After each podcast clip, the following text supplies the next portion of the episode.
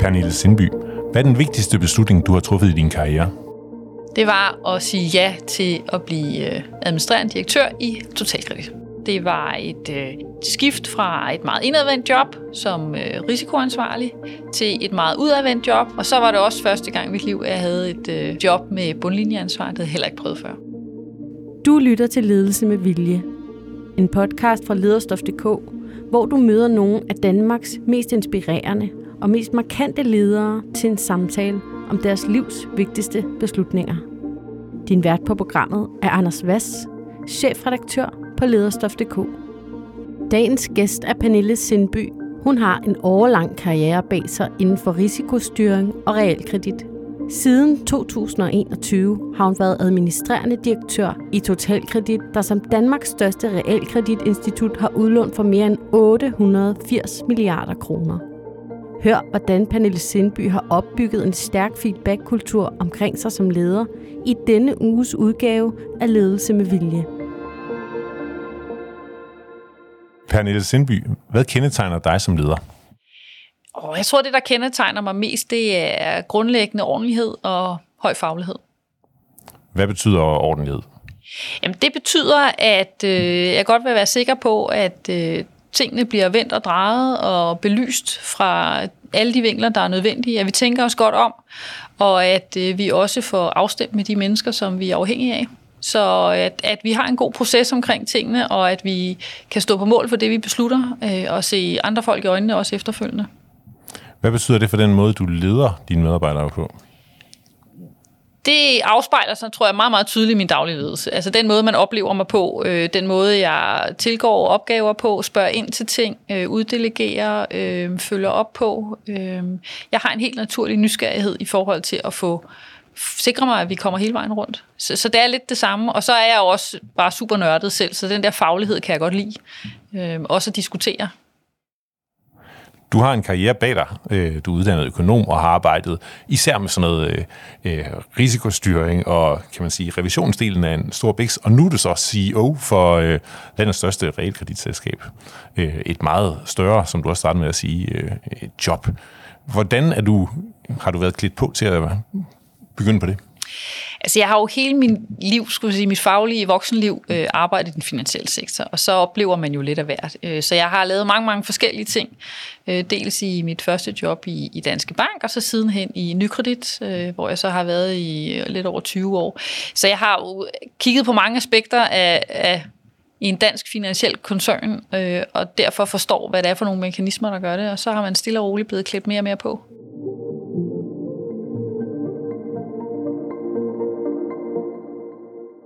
Lad os starte på de store beslutninger i din karriere.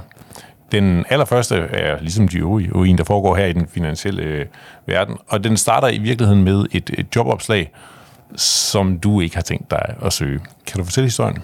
Ja, det er rigtigt. Jeg, øh, det var tilbage i 2013, øh, hvor jeg havde en chef, som, øh, som sagde op og forlod sin stilling, og øh, der havde, det blev slået op, den stilling, og jeg havde sådan set ikke tænkt mig at søge den. Jeg gik bare og ventede spændt på at finde ud af, hvem skulle så være min nye chef. Men øh, min, øh, min afgående chef, hun øh, opfordrede mig simpelthen til at søge den her stilling.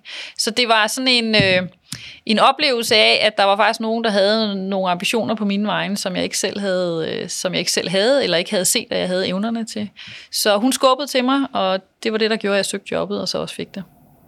Er det et udtryk for en en selvtillid, der ikke var så stor. Når jeg sidder foran dig her, så tænker jeg jo i hvert fald ikke, at du mangler selvtillid. Men gjorde du det dengang? Jeg tror ikke, det var et spørgsmål om selvtillid. Jeg tror mere, det var et spørgsmål om øh, sådan, nok sådan lidt klassisk kvindeting, at øh, ej, jeg kan nok ikke øh, hakke alle ting af på den der liste, der står, så det er nok ikke, øh, jeg er nok ikke den rigtige profil. Så jeg tror mere, det var et spørgsmål om, at jeg bare ikke havde set mig selv i den stilling. Øh, så, så, så da jeg fik skubbet, det betød faktisk rigtig meget for mig at få det skub. Øh, og det var så også det, der gjorde, at jeg, jeg søgte jobbet og fik det, og i dag er jeg jo sindssygt glad for, at jeg gjorde det, for det betød faktisk rigtig meget for min karriere. Så uden det der øh, skub, uden den der, jo, måske skulle jeg søge den alligevel, så havde du ikke siddet her. Så er jeg ikke sikker på, at jeg sidder her, hvor jeg sidder i dag. Det er korrekt. Har det ændret ved den måde, du ser på dig selv som leder, at der var en mulighed, som du ikke så, men da du så greb ud efter den alligevel, så lykkedes du? Ja, det, det, øh, det betyder meget, eller og har betydet meget for den måde, jeg ser på mig selv. Også i forhold, altså både i forhold til, øh, hvad er det, jeg selv skal være opmærksom på? Altså har jeg selv nogle blind spots omkring mig selv, øh, som jeg er blevet mere bevidst om? Og så er jeg også blevet mere bevidst om det der med, at man skal ikke være bange, man skal bare tage skridtet og kaste sig ud i nogle ting, selvom man ikke føler, man kan det hele. Øh, men derudover, så synes jeg jo også, at det, det har gjort ved mig som leder, det er, at jeg er blevet mere opmærksom på, at de mennesker, jeg har omkring mig, øh, medarbejdere, jeg har, eller kolleger i det hele taget, jeg har, hvor, hvor meget det betyder, at jeg kan skubbe til dem og give dem noget selvtillid, hvis det er det ord, vi skal bruge, eller øh, pushe på dem og få dem til at få øjnene op for, at de kan mere, end de måske går og tror. Og det, det betyder faktisk rigtig meget for mig i dag. Og hvad er det, der kendetegner et talent i dine øjne? Altså, hvad er det for en medarbejder, som du tror kan blive rigtig dygtig? Det synes jeg er mega svært at sætte på opskrift, fordi det er mange ting. Altså, der er jo selvfølgelig er der noget faglighed, det er der altid, men der handler jo også om noget personlighed.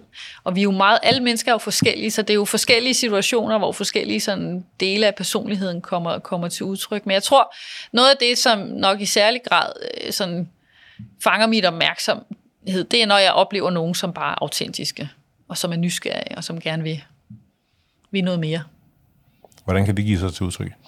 Jamen det, det er personer, som, øh, som er reflekterende. Det er personer, som spørger nysgerrigt ind til ting, som selv opsøger information, eller godt tør udfordre. Øh, altså jeg er jo omgivet med mange mennesker, som desværre også ligner mig selv rigtig meget. Som det der med, at der er nogen, der tør at sige, hov, har du tænkt på det, eller øh, udfordrer nogle beslutninger, jeg tager, så de ikke bare gør, hvad jeg siger, men faktisk også tænker selv. Hvad mener du med, at du er omgivet af nogen, der desværre ligner dig selv så meget? Det er jo det er vel sådan en, en ting, som der er i mange brancher, tror jeg, men også i den finansielle sektor. Det er jo, vi, vi har samme uddannelsesmæssig baggrund, øh, vi er nogenlunde samme alder, mange af os, og, og så, så, der, så der er jo nogle ting, hvor at den måde, man ligesom er opdraget på i sektoren og i den her type job, det gør, at man kommer til at ligne hinanden nu har der jo sådan en, en, en pæn habitjakke på. Måske ikke lige frem et slips, men, men er, det, er, det, er det det, du mener, sådan den der, hvordan vi, vi fysisk øh, fremtræder? Eller det er også noget med, hvordan man tænker? Og... Det er en meget tænkning, og opdragelse, ej nu opdragelse er et dårligt ord, men, men jeg tror, det er meget tænkning, det er meget uddannelsesmæssig baggrund, øh, som i virkeligheden, tror jeg, begrænser os lidt. Øh, at, at vi ikke er gode nok til at have skæve profiler ansat øh, i forhold til nogen, der kan udfordre og tænke på en helt anden måde, end vi selv gør. Ikke? Og hvor meget fylder det så at finde de der skæve profiler kontra det, at altså, jeg som husejer også gerne vil have et realkreditinstitut, hvor dem, der arbejder, der har, har nogenlunde styr på, på, på, på det, de arbejder med. Og det er jo derfor, at faglighed er bare også rigtig vigtig. Det er det, det skal man ikke, det skal man ikke kimse af. Men i langt stykke hen ad vejen kan man jo lære fagligheden. Ikke? Så hvis man har interessen, så kan man også godt lære det. Gør du noget formelt for ligesom at sikre dig, at du er den bedst mulige leder? Øh, jeg prøver virkelig at være den bedst mulige version af mig selv.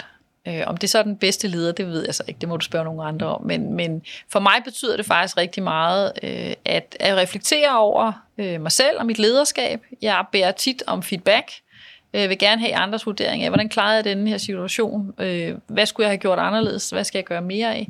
Så jeg skriver også meget ned for mig selv, øh, hvad jeg synes, der i ugens løb er gået godt, og hvad der er gået mindre godt, og hvad jeg skal arbejde med. Så jeg reflekterer enormt meget over mit, mit eget lederskab.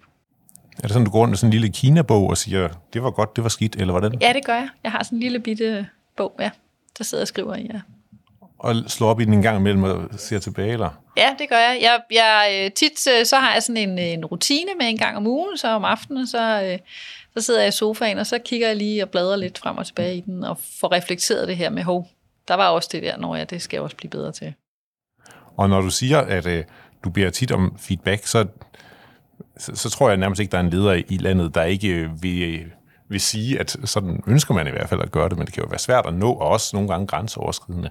Hvad gør du for at sikre dig, at du rent faktisk får feedback, og at den bliver ærlig? Det kan også være, øh, altså, noget af en opgave, hvis man er, er menig medarbejder, og øh, ens øh, topchef kommer og siger, hvordan gjorde jeg det her, og så at sige, jeg synes egentlig, du var rimelig dårlig. jeg tror, det er rigtig meget vane.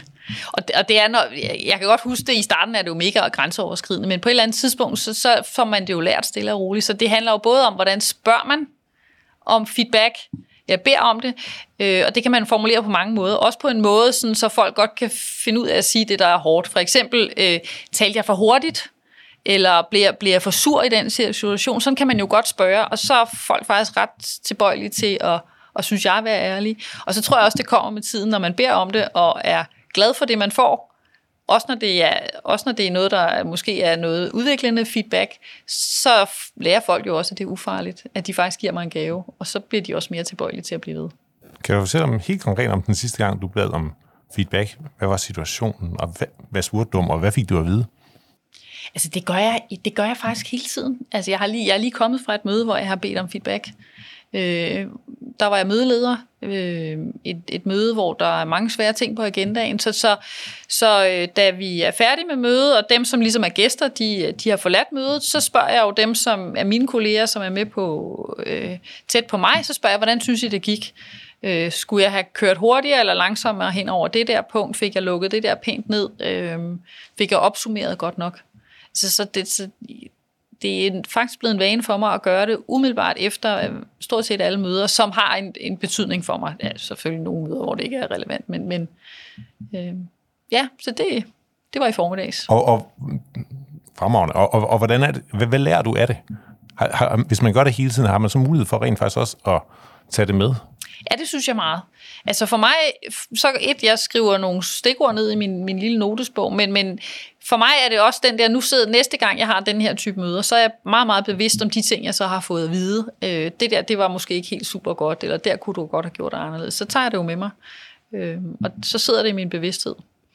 Og jeg, jeg tror, det gør en forskel. Så nu bliver man jo aldrig perfekt, ikke? Så, er der jo, så er der jo ting, man så til gengæld måske kommer til at være lidt, lidt mere øh, knap så skarp på, og det er jo så det, man også skal kunne balancere hele tiden. Ikke? Men jeg synes, øh, jeg tager det med mig hver gang til næste møde. Er der nogle medarbejdere, der giver dig feedback, hvor du tænker, ja, det er rigtigt nok? Eller, og er der nogle gange, hvor du tænker, altså, sådan tror jeg måske nogle gange selv, jeg vil tænke, ej, det ved du da overhovedet ikke noget om, det der. Sådan er det da ikke. Altså, kan, kan man ikke nogle gange være ramt af en, jeg ved jo bedre end dig, når man får noget igen? Jeg synes faktisk, det er ret sjældent, fordi man kan jo altid spørge uddybende. Så, så hvis jeg får den der følelse af, ah, det, ja, det synes jeg ikke, jeg ved bedre, så, ah, så gælder du om at spørge ind til den, og sige, hvad mener du egentlig, når du siger det der? Øh, eller det kan jeg ikke helt genkende, kan du ikke sige noget mere? Så kan man få det uddybet. Fordi der er jo altid en gave i at få feedback, uanset hvordan den bliver serveret. Hvad med feedback den anden vej? Altså du, lad os tage det samme møde. Øh, nu var jeg ikke til det, så jeg ved ikke, om du bare sad og sagde det hele, eller du også har medarbejdere, som har en rolle. øhm, og, og der kan det jo også, især hvis man som dig har travlt og skal videre til det næste møde, så kan man vel godt nogle gange lige tænke, det var egentlig ikke helt perfekt, men jeg skal også videre. Det betyder rigtig meget for mig at give feedback øh, tilbage, så, så det prioriterer jeg også at gøre. Altså jeg opfordrer altid de unge til selv at bede om feedback. Altså specielt kan man, når man går ind til et møde, eller foran, før et møde, så kan man, så kan man jo komme og sådan bede om noget meget specifikt. Ikke? Øh, jeg kan bede dig, nu går vi ind til det her møde, gider du ikke godt at prøve at observere min hastighed i den måde, jeg taler på? Taler jeg for hurtigt, for langsomt? Det vil jeg gerne have feedback på. Så kan man nu gøre det meget, meget konkret. Så hvis man som ung gerne vil træne nogle bestemte ting, så skal man jo bare bede sin leder om meget konkret feedback. Det er svært, hvis du beder om sådan noget, jeg vil gerne have noget feedback, så kan nogle folk synes, det er svært. Hvis du beder om noget konkret, så er, alle, så er min erfaring, at folk vil super gerne give det.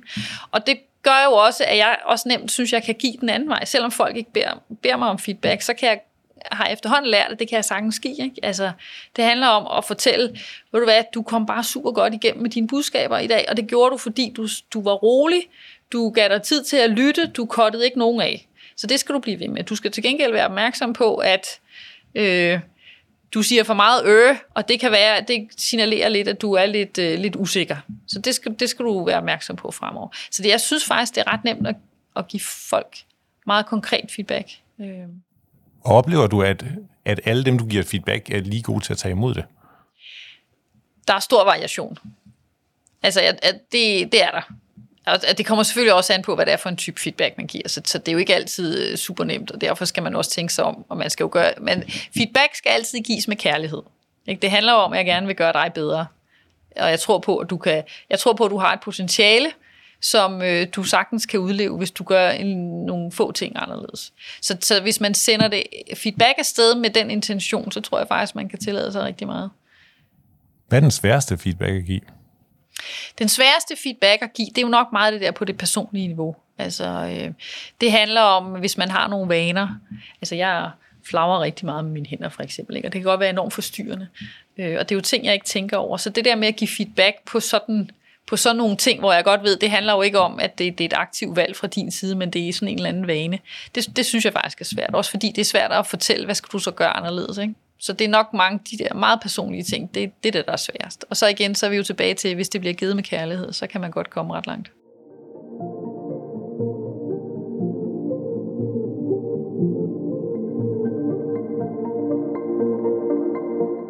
Tilbage til de store beslutninger i din karriere. Det næste, vi skal tale om, det er også i forbindelse med et øh, jobopslag. Øh, men den her gang et jobopslag, som du står bag. Kan du fortælle, hvad det er, der sker der, øh, og hvorfor det øh, ændrer noget for dig? Ja, det er øh, i 2019, øh, hvor vi i, der arbejder i Nykredit i koncernen, øh, begynder at snakke rigtig meget, eller vi snakker rigtig meget om det her med diversitet, og specielt det her med, hvordan får vi flere, flere kvindelige ledere. Øh, så det fyldte rigtig meget. Og jeg havde så en ledig stilling, øh, lederstilling, som bliver slået op. Og jeg beslutter mig så for, at øh, alle kvindelige ansøgere, de skal så, dem vil jeg tage til samtale. Øh, nu vil jeg gerne kaste mig ind i den der kamp. Øh, Og det, der jo så sker, det er, at jeg får ikke en eneste kvindelig ansøger til jobbet. Og, og øh, det, det gjorde jo, at jeg måtte sætte mig ned og reflektere. Altså, og, og den der aha-oplevelse af, et, det, det der, det er bare ikke særlig nemt. Øh, selv hvis jeg som kvindelig chef ikke kan finde ud af at tiltrække øh, kvindelige kandidater. Øh, det var nok det, der var sådan den største sådan aha-oplevelse for mig.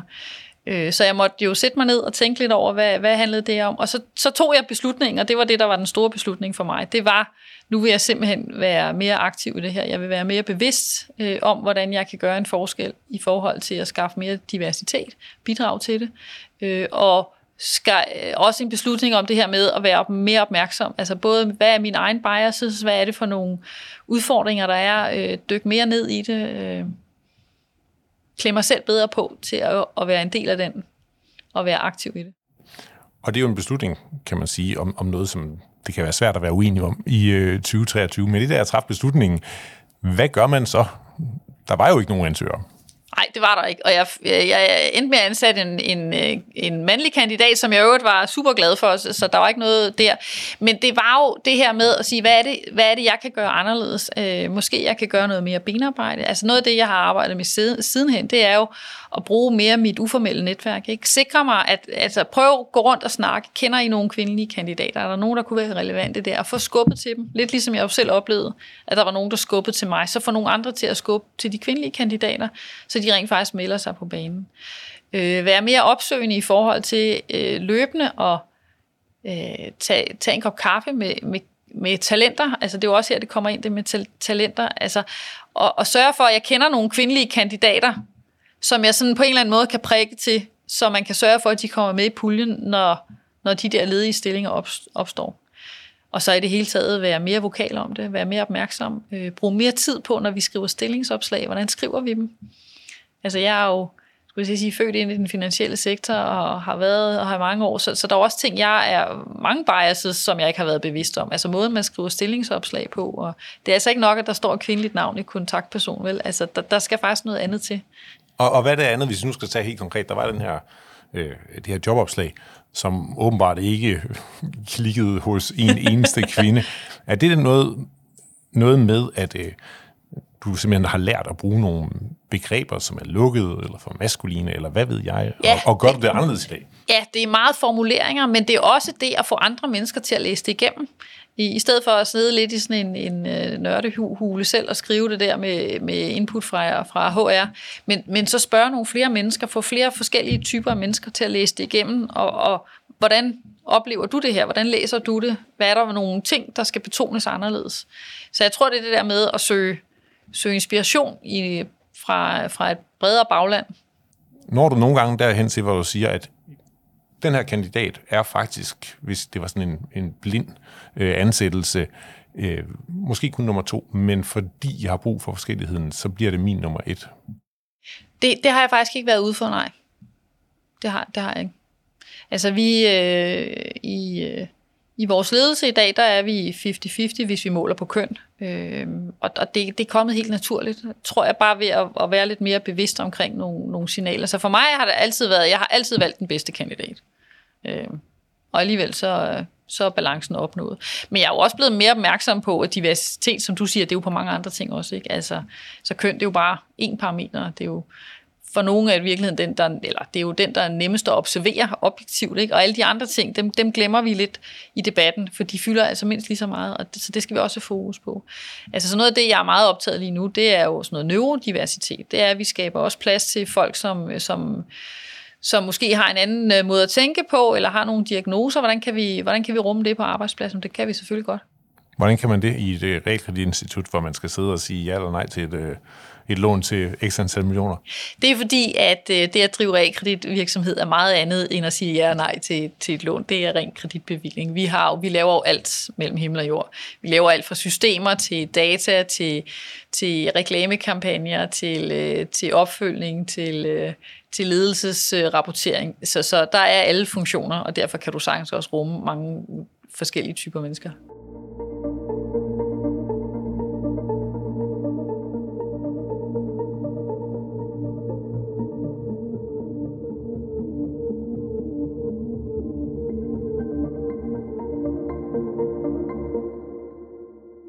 Vi beder altid vores hovedpersoner, og i dag er det jo dig, om at tage noget med, som øh, siger et eller andet om dem, som øh, personligt og måske også som, som leder. Og øh, hvis du gider samle den der tingest, der ligger dernede op, yes. kan du ikke så øh, prøve at beskrive den? Jo. Jeg har taget et, et, øh, et ror med, et øh, ror fra et sejlskib, og det har været i brug. Øh, det er lavet af træ, og så er der en messing øh, inde i, i midten. Øhm, det hænger på, øh, på væggen i mit sommerhus. Øh, så det symboliserer egentlig både mit sommerhus, hvor jeg slapper rigtig meget af, men også det at sejle, som betyder enormt meget for mig. Det at være ude på havet er for mig den ultimative frihed. Øhm, det er der, hvor jeg virkelig kan slappe af. For det første så er der ikke nogen øh, devices, der kan følge med, så de ligger altid inde på land. Men det er stedet, hvor jeg både kan kan være ude, når det er helt vindstille, så kan man være ude på sin, øh, på sit paddleboard eller sin kajak, eller når det blæser rigtig meget, så kan man være ude i en, i en jolle, eller, altså der er altid, uanset hvordan vejret er, så kan man komme ud på vandet og, og, og lege og være fri, og man kan gøre det alene, og man kan gøre det sammen med andre, så afhængig af, hvad for et humør man er i. Og så er det et sted, hvor der bare er plads til ro. Altså noget af det bedste, jeg ved, det er at sejle med min bror. Så øh, det er jo sjældent, at man har tid til bare at være sammen, sådan to og to, øh, hvor der ikke er nogen forstyrrelser overhovedet, samtidig med, at man laver et eller andet. Og det, det kan vi, når vi er ude på vandet. Så det er der, hvor der er tid til ro og snak. Er du typen, der så er helt afslappet, og det er lige meget, hvordan vinden lige går ind i øh, sejlet, og hvilken hastighed man får, øh, eller skal det egentlig også lige gøres ret godt? Det skal gøres godt, og der skal fart på. Jo mere fart, jo bedre. Med mindre det er på paddleboardet, så må det gerne være langsomt. Hvad er det et udtryk for? Øh, jeg, kan godt, jeg kan godt lide at, at bruge naturens kræfter. Jeg kan godt lide, at det er måske også lidt nørdet, altså det der med at optimere, og man kan dreje lidt her og slække lidt der, og så, øh, så, så giver det, det giver en fed følelse. Det der med følelsen af, at nu spiller det virkelig. Er det fordi, du gerne vil perfektionere alting? Ja, det er det nok nu, nu taler du om det med at sejle som sådan, øh, på en eller anden måde modsætningen til, til arbejdet. Hvordan fordeler du dit liv mellem arbejde og fritid?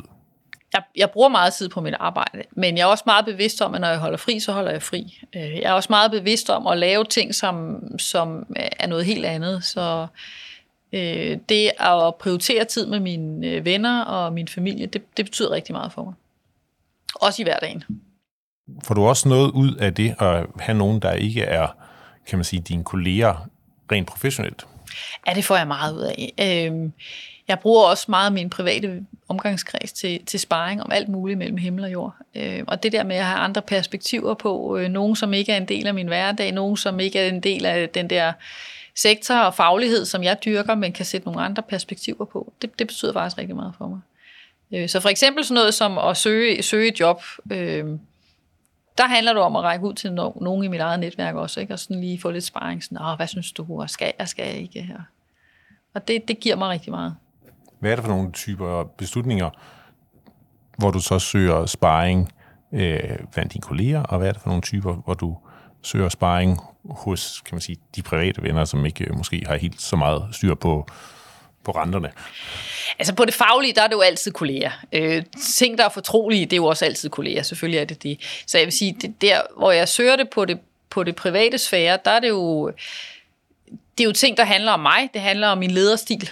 Øh, eller ting, som er noget, hvor jeg skal beslutte, skal jeg gå til højre eller venstre. Øh, så det er meget om mig som person. Det kunne være, at jeg, øh, jeg har en lederdag øh, i morgen eller i næste uge. Hvordan, øh, jeg kan ikke rigtig finde ud af en god åbning. Hvordan skal jeg indlede det der? Hvad er det, skal jeg, hvad for en stil skal jeg anlægge? Det kan være øh, håndtering af nogle, øh, nogle konflikter, hvor det handler om personlige øh, forskelligheder, og ikke noget fagligt, men, men hvordan håndterer jeg, at nogle mennesker de øh, har en konflikt, som dybest set bare er på et personligt plan. Så det er sådan meget de der konkrete, eller skal jeg sige, de, de meget de der bløde ting. Så når øh, Hans og Yvonne oppe fra, øh, jeg ved slet ikke, hvad afdelingerne er, er oppe og skændes, så, så er det der, hvor du kan gå ud og så spørge nogen, der kender dig mere som menneske? Eller ja, hvordan er kender det? mig som menneske, ikke? Og som, som, som kan sige til mig, Pernille, du er god til det og det. Så, så du kan jo gå ind i den der konflikt på den her måde. Eller pas på, Pernille, fordi du har det med at blive sur i den situation, så det skal du lade være med. Øh, så, så det er jo på det plan om, hvordan jeg skal håndtere det, hvordan jeg skal fremstå, hvordan jeg skal opføre mig. Hvor tæt er mennesket Pernille Sindby på sine kolleger? Forsøger du at holde en afstand? Jeg forsøger ikke at holde afstand, men jeg synes, øh, jeg vil gerne være tættere på. Men jeg tror, vi er tilbage til det der med tid. Altså, det kan godt være svært, når, når man har en travl hverdag, op og være helt tæt på, på alle sine kolleger. Plus, jeg har jo rigtig mange kolleger, øh, så nogle gange kan det også være svært at, at holde styr på, øh, på alle detaljerne, hvis man gerne vil spørge ind til, ind til ting. Men ja, det betyder faktisk meget for mig, når vi, når vi får nye medarbejdere, at have intro med dem alle sammen. Fordi det er der, jeg, jeg husker rigtig godt, øh, når jeg får at vide, at du har en hund og en kanin og to børn og bor i vandløse, så, så, så er det, jeg får den der, okay, så er der et eller andet, jeg kan hive fat i. Så kan godt være, at jeg ikke lige kan huske, hvad børnene hedder, men jeg, øh, så, så har jeg noget, hvor jeg også kan mærke dig som person og spørge ind til det efterfølgende.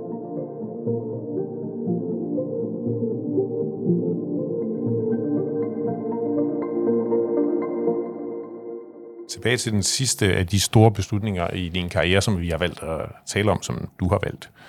Den er ikke så overraskende. Det er der, hvor du siger, ja, jeg vil gerne være øverste direktør for Totalkredit, som jo er et, øh, et meget stort job.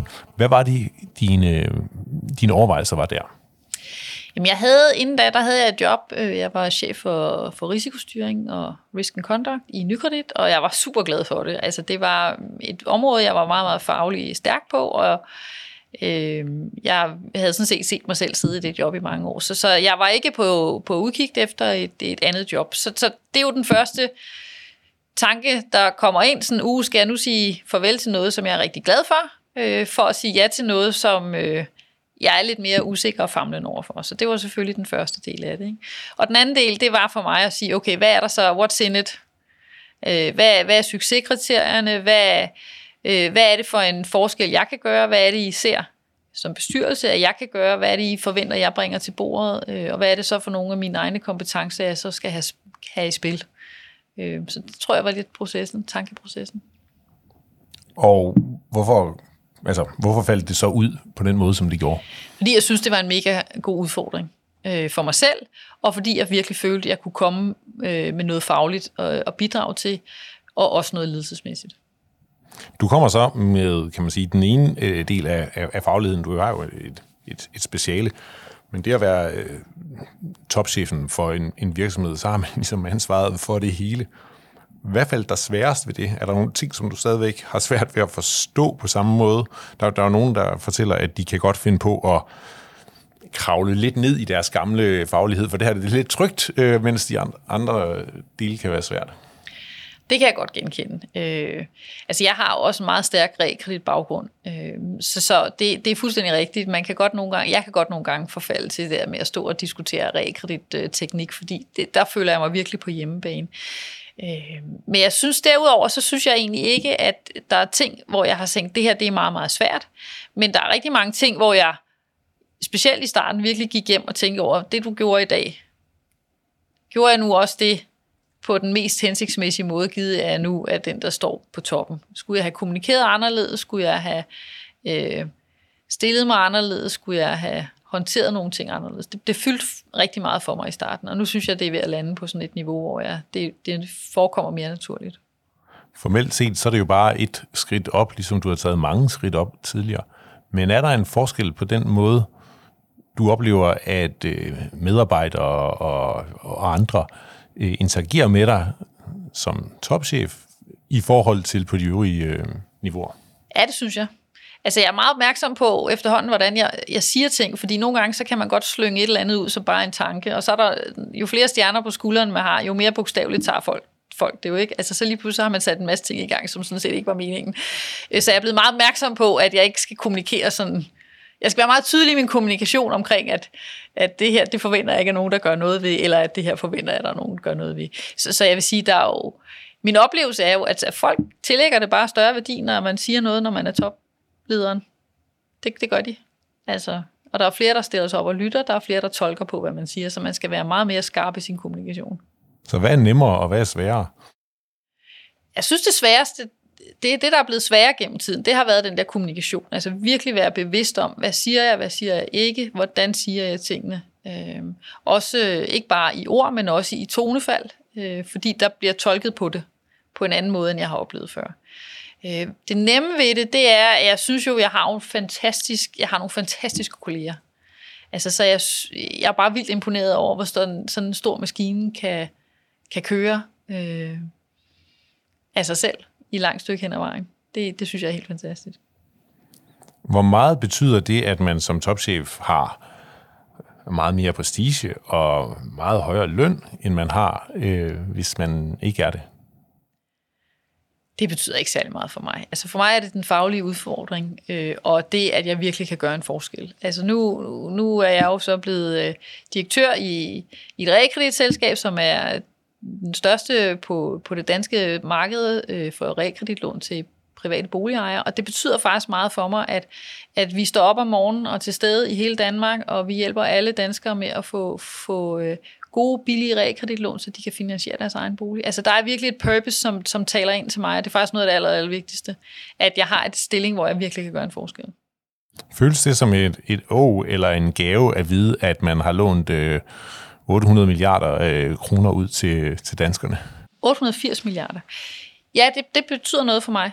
Altså det er, jeg, jeg er meget ydmyg omkring det, og jeg står op hver morgen, og det er det, der er vores purpose, og det er det, vi er her for. Er det også konkret, så du tænker, når du træffer nogle beslutninger, hvad betyder det derude? Jeg, jeg tænker, man må, de beslutninger, du træffer, kan jo ses fra to måder. Det kan ses inden for det her selskab, du er chef for, og de konsekvenser, der har der og så øh, ses ude blandt dem, som, hvor renten stiger, for eksempel. Det, det, det betyder også meget for, for mig, øh, fordi det er jo nogle, altså det er jo en stor, det er jo en stor ting at eje sin bolig, og det er en stor post på, øh, på, øh, på budgettet øh, at skulle have et realkreditlån, så selvfølgelig betyder det meget. Så for mig handler det jo meget om, hvordan, hvordan implementerer vi ting, hvordan rådgiver vi, eller hvordan sikrer vi os, så vores kunder får den rigtige rådgivning, øh, og hvordan kan vi kommunikere med vores kunder omkring, hvad de skal være opmærksomme på.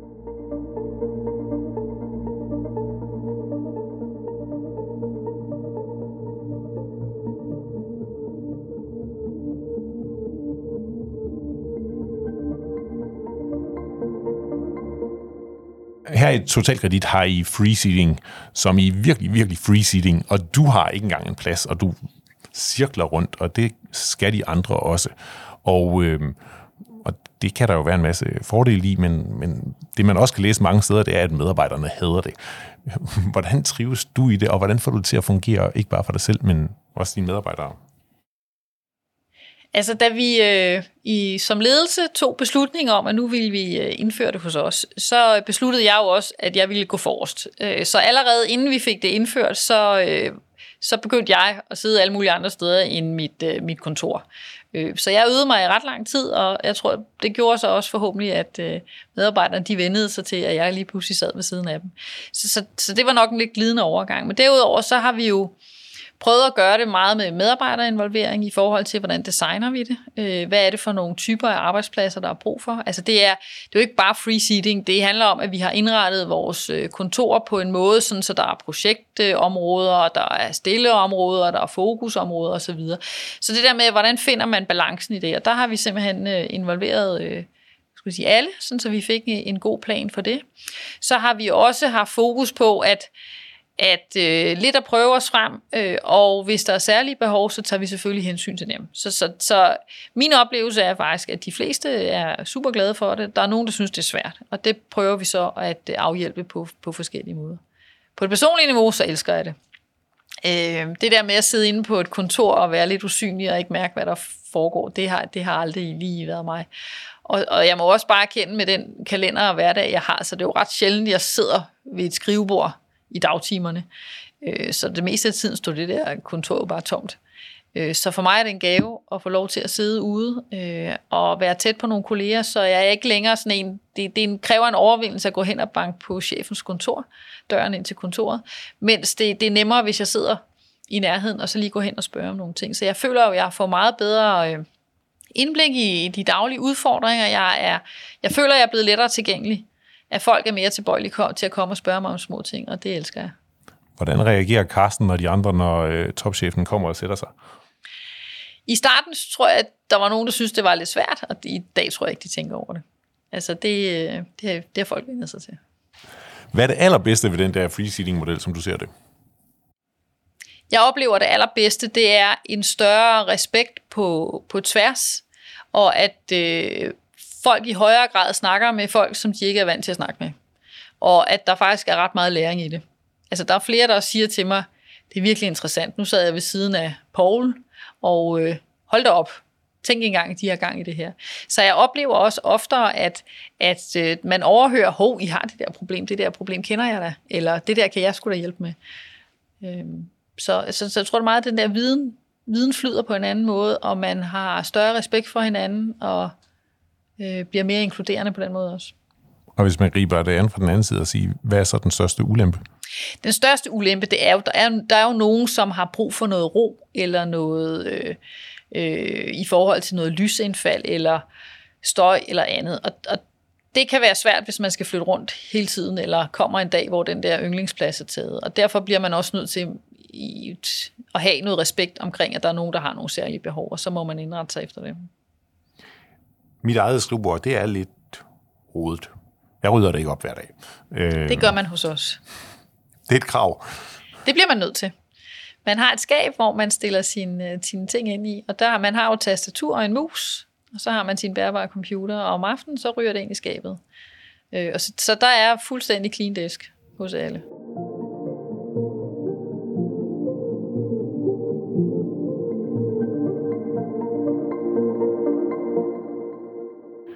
Pernille Sindby, vi slutter altid af med at spørge vores hovedpersoner om de store beslutninger, de står foran. Hvad er den næste store beslutning, du skal træffe? Vi arbejder jo hele tiden med at optimere vores forretning, så for mig er nogle af de vigtige beslutninger, der ligger foran os, det er, hvordan kan vi hele tiden fine-tune øh, vores, både vores organisation, men egentlig også vores forretning, så vi er fremtidssikret. Altså, der sker rigtig mange ting i den store verden. Der er nye krav, der rammer os. Øh, ny teknologi, der bliver opfundet. Har vi overhovedet... Øh, har vi styr nok på det? Øh, så jeg tror, noget af det, der er vigtigt for mig øh, den kommende tid, og som også kommer til at kræve nogle store beslutninger, det er, hvordan vi stiller os på det der. For eksempel sådan noget som AI. Hvordan tilgår man det? Hvordan kan vi håndtere det? Kan vi bruge det? Kan vi ikke bruge det? Har vi lyst? Har vi ikke lyst? Øh, så for mig er det sådan, de store beslutninger, det handler meget om, hvordan fremtidssikrer vi vores virksomhed, så den er, også, er her om 20 år, sådan, så vores børn og børnebørn også kan få realkreditlån. Og når der så kommer sådan noget som for eksempel AI, inden for siden, og øh, du ved rigtig, rigtig meget om realkreditlån, og jeg går ud fra ikke så meget om sprogmodeller og så videre. Det er helt og hvad der Hvordan griber man sådan noget an? Du har i forvejen en, en ret fyldt kalender, så det er svært lige at tage en, en måned, hvor du lige læser op på det. Ah, det synes jeg faktisk ikke er så svært. Jeg, kan ikke, jeg bruger ikke en måned på det, men, men for mig handler det jo meget om at, at, at gå og snakke om det, og finde ud af, altså der er jo altid nogen i, enten i netværket personligt eller også arbejdsmæssige netværk, som, har, som ved noget om det. Så er der folk, der sidder og dyrker derhjemme i kælderen, eller øh, som bare har det som hobby. Vores unge studenter, studenter, de har mega meget styr på det der. Så det er jo det med at prøve at talsætte det på, at være nysgerrig på at spørge til det, selv begynder at læse rigtig mange ting. Så det, nej, jeg bruger ikke fuld tid på at sidde og læse om det, men det er jo sådan noget, jeg bruger mine weekender på, fordi jeg synes faktisk, det er mega interessant. Så for mig handler det om at søge viden, øh, og, og begynde at, at spille bold med nogle mennesker, som ved noget om det, for at jeg selv kan føle mig tryg i en proces omkring, okay, hvad er det lige, vi skal beslutte her? Hvad kan, hvordan kan vi udnytte det her på en god måde? Og hvor, hvor hurtigt føler du så, at du bliver nødt til at reagere på, på for eksempel sådan noget som det her, som, som AI, altså, der kommer AI, jeg rullende? Synes, jeg synes, det er mega interessant, fordi øh, jeg føler jo ikke et pres for, at jeg skal reagere, men, men jeg har da en bekymring for, om kommer vi for sent ud af startblokken, kommer vi for hurtigt ud af startblokken, ikke? Altså, der er jo der er jo mange forskellige holdninger til, om det her bliver det noget, eller bliver det ikke noget. Øh, så for mig handler det om at, at finde ud af, klemme mig selv godt nok på til at finde ud af, hvad synes jeg egentlig? Og der er jeg slet ikke endnu, fordi det her det er så nyt. Øh, så, så jeg bruger faktisk en del krudt på at prøve at sætte mig ind i det og forstå det. Hvordan vil du i fremtiden sørge for, at du også bliver ved med at blive en dygtigere og dygtigere leder? Hvad er det, du mangler? Det er vigtigt for mig, at jeg hele tiden udvikler mig, øh, og selvfølgelig også bliver bedre, som, som du øh, spørger ind til. Øh, og for mig handler det nok meget om det der med hele tiden at bede om feedback, lære, læse ting, viden, forskning. Hvad, hvad sker der egentlig i forhold til, hvordan fungerer organisationer? Er der kommet ny viden, som jeg kan bruge og tage i spil? Så det handler meget om at, kigge ind på mig selv, og hvordan jeg synes, jeg udlever de ting, som jeg faktisk gerne vil stå for. Tak for det, og tak fordi du var med i Ledelse med Vilje. Det var en fornøjelse. Selv tak. Du har lyttet til Ledelse med Vilje, en podcast fra lederstof.dk. Du kan abonnere på podcasten i din foretrukne podcast-app, og vi bliver glade, hvis du også giver os en anmeldelse og nogle stjerner med på vejen. Alle de topchefer, vi taler med i Ledelse med Vilje, deler deres bedste råd om ledelse inde på lederstof.dk. Så gå ind på sitet og få inspiration til, hvordan du selv bliver en bedre leder. Bag lederstof.dk står lederne, Danmarks største interessefællesskab for ledere.